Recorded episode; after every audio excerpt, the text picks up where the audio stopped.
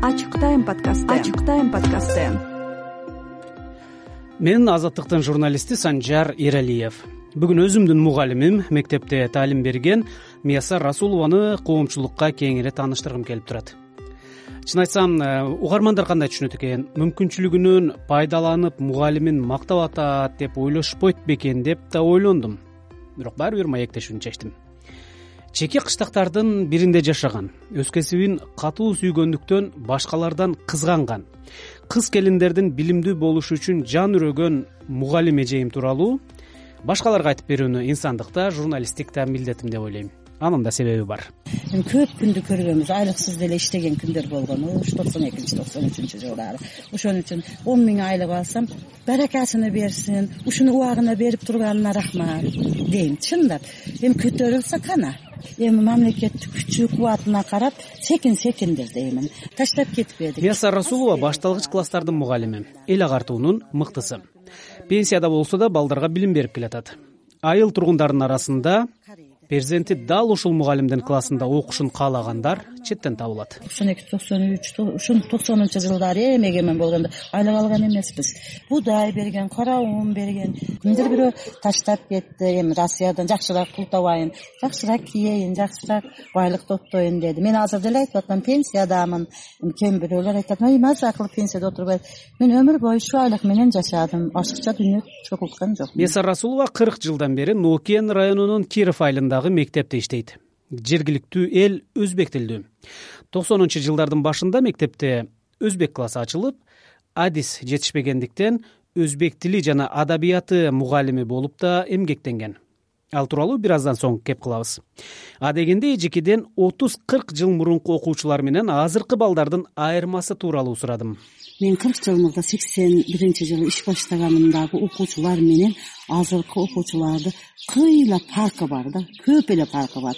Асмен менен жерче десем э, эме болуп кететтир го э, башкачараак анда балдар жоошураакпы мурдагы балдар жош мурдагы балдар момунураакпы өздөштүрүүсү деле начарыраак болчу эле. Мисалы мен экинчи классты алдым келип ошондо. Экинчи классты алсам жаза албаган окуучулар азыр ошолордун балдарын неберелерин окутуп калдым ошондогу жетимиш үчүнчү жылкылар азыр неберелери кирип калды да мектепке.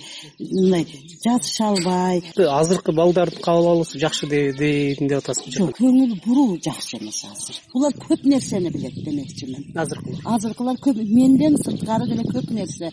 Эме көп информация көп балага мына ютубка кирет мультфильм көрөт э, ушу эме кылат дүйнөдө эмне болуп атканын адамдар башкачараак сүйлөйт да. Алар кандайдыр бир мени ушу окуучуларым ушундай берилип угуп атканын сезчү элем ошо жыл мурдагы окуучуларым мен бир бирге окуп бирге иштеген э, дос кызым бар эле да ошонун сиңдиси менде окуйт эле сабакта анан ошо айтчу эле сиңдим барып эжекем мындай деди эжекем мындай кылды эжекем бизде мындай болгула деди дегендерин угуп туруп сага мындай мен деле менин окуучуларыма ушундай дейт бекен деп сага суктана кетем суктанып кетем ушундай таасирим чоң балдарга дейт эле да менин оюмча азыркы окуучуларымга ошончолук таасирим болбой атабы дейм да. Менден көрө башка жактарды окугусу келе берет көңүл буруп мен кошу кырк жылдык мугалим ушундай өзүмгө тарткым келип балдарды тынч отур деп мындай кирпигимде сактайм отуз окуучуну. Тартам да зорго тартам а жаш эми иштеп аткан мугалимдер такыр тартабайт мен алардын сабактарына катышып атам ушундай слайдтарды көрсөттү ачык сабак өтүп бир мугалим жапайы жаныбарлар жөнүндө. Жок карабады балдар ошого эч карабады кызыгуулар башка. Башка башка. Баалуулуктар алмашып кетти дейсизби жок? Адамга болгон э, мугалимге болгон сый урмат мугалимдин сөзүн туура дейишчү болуп калдыбы деп коркуп турам. Ата энелери деле анча сыйлабай койдубу дейм да. Мен ар бир ата энеге айтам кызым ата эне азыр жакында уулум деле баласы мектеп айтам сен үйдө балаңды окуткан мугалим жөнүндө жакшы сүйлөгүн. Ушул эжеке көптү билет ушул агай көптү билет. Билимдүү десе менин оюмда да бала ишенет да ошого ата энелер чогулуштарында айтам. Ата эне үйдө балага кандай тарбия берсе ошо менен кетет экен бала.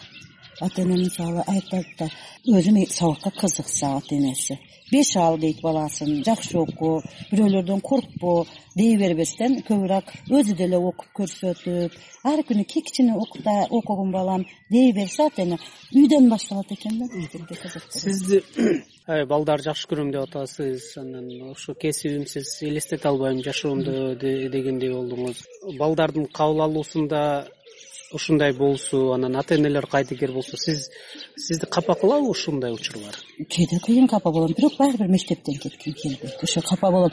Мен балдарды мектепти деле кызганам бирөөлөрдөн дебей ушундай адамдарга таштап койгум келбейт. Бир саатымды башка мугалим өтсө мисалы ошол балдарга жеткире алдым экен деп эми ушундай жакшы көрүп кызгансам керек ошо кээде капа кылат кээ бир окуучулар абдан капа кылат эч кулак салбай башкалар менен ойной берип ошондой кылып ушундай таң калам да азыр мен мектепке азыр деле ушундаймын мурдайам ушундай болгонмун мектепке барбай калсам үйүм мектепке жакын эле жаш мектеп окуучуларга көрүнгүм келбей мектепте мугалимдерден жашынат элем күнөө кылдым а мен ошо мектепке барбай азыр балдар андай эмес кээ бир окуучу баары эместир мектепке барбай велосипедде минип мектепти тегеренип жүрөт. Эч сезбей мына ошондо кыйын капа болом. Бул кандай болор экен чоңойгондо бул жаман болот болот деп ойлобойм го балада уялыш жоктугунан ички сезими жоктугунан кээде капа болом бирок аны менен мен мектептен кетип калам дебейм да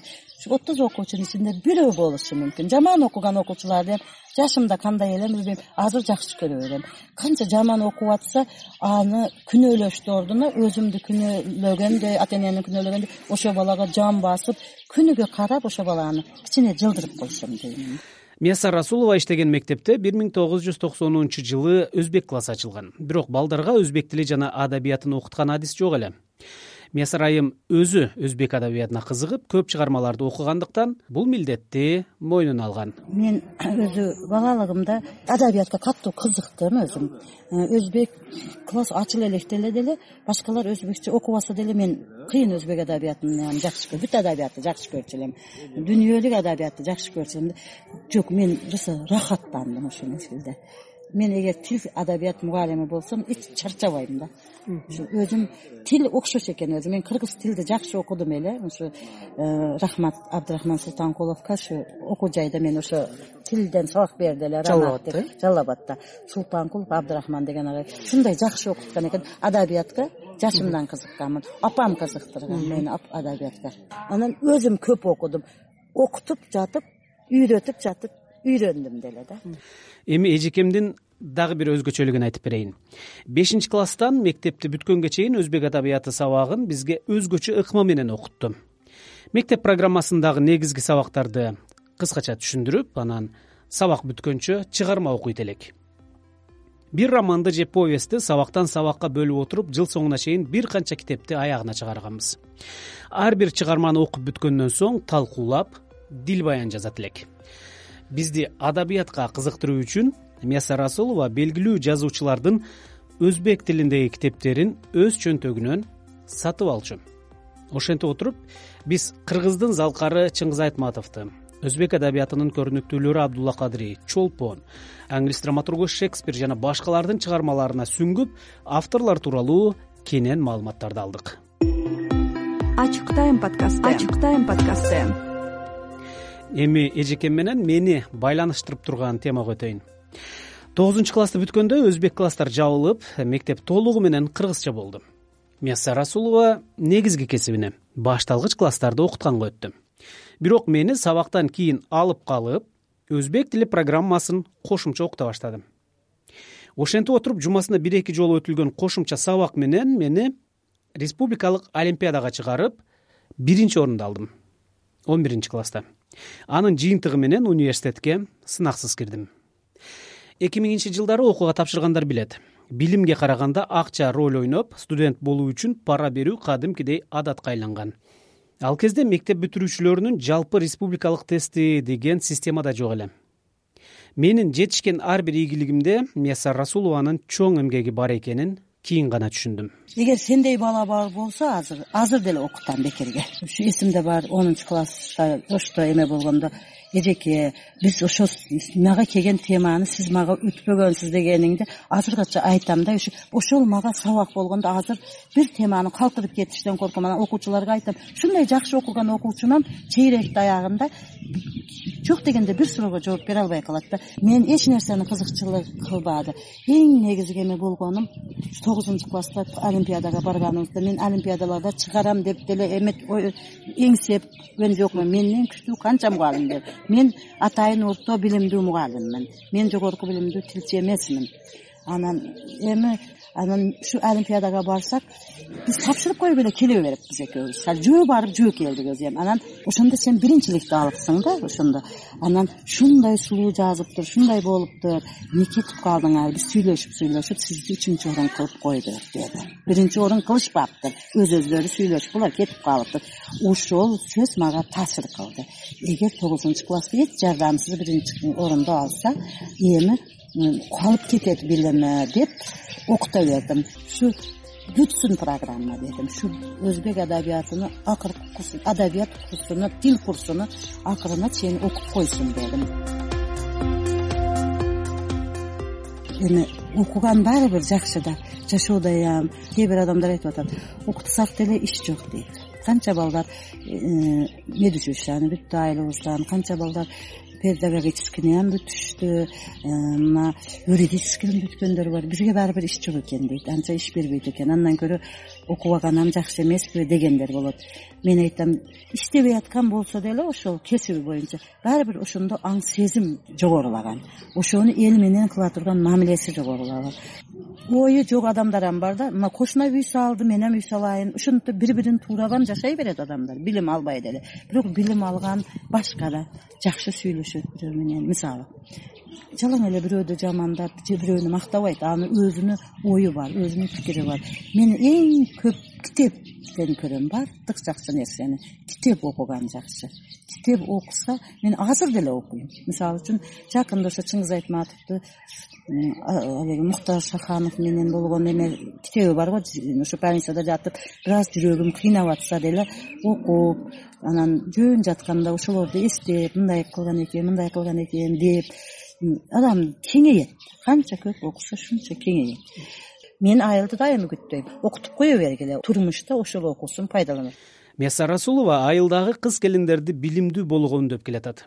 Өлкөнүн өнүгүшү да аялдын билиминен көз каранды дейт. Бул аял улутту дагы адамды дагы баардыгын улоочу адам эркектер бар болсун эркектерсиз жашоо жок аял билимдүү болсо жакшы бала болот. Мейли бала тарбияласын бирок ошол аял билимдүү болсун. Жок дегенде мектепте жакшы окуган азыр газета окусун э, китеп окусун баласынын сабагын окусун түшүнбөгөн жерин мугалиминен сурасын менин эсимден чыгып калыптыр эжеке мындай көбөйтүү. Айтыңчы деген ата эне бар азыр бар. Телефондо ушинтип сурашат кээ бир келиндер. Эжекем мияссар расулова менен бул интервьюну жыйырманчы мартта нооруз майрамынын алдында ал кишинин үйүндө жаздырганбыз.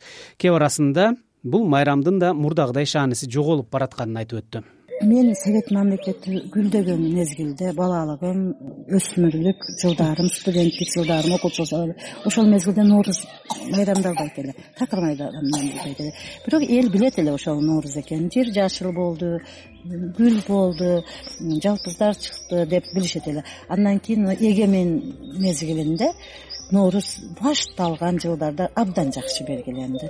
Өзү ноорузду менин оюмда жакшы белгилеш керек. Чыгыш элдеринин жаңы жылы. Токсон биринчи токсон экинчи токсон үчүнчү токсон бешинчи жылдары ушундай сонун белгиледик. Стадиондорду жасап шамалдар болсо деле тамак ашты түрүн даярдап келип конкурстар өткөздүк. Ушундай сонун белгиленип да. Эми ушу эки жылдан эки үч жылдан бери такыр белгиси билинбей калды ноорузду эмнеге мындай болуп майрам ноорузга мамиле мындай болуп калды деп өзүңүзчү ойлоп көрдүңүзбү эми муну эме деп атам. Оору деп атам. Жандандырабыз дейм го сиз ачык тайм подкастында ноокендик мугалим эл агартуунун отличниги миясар расулова менен тааныштыңыз менин аты жөнүм санжар эралиев уккандарга ыраазычылык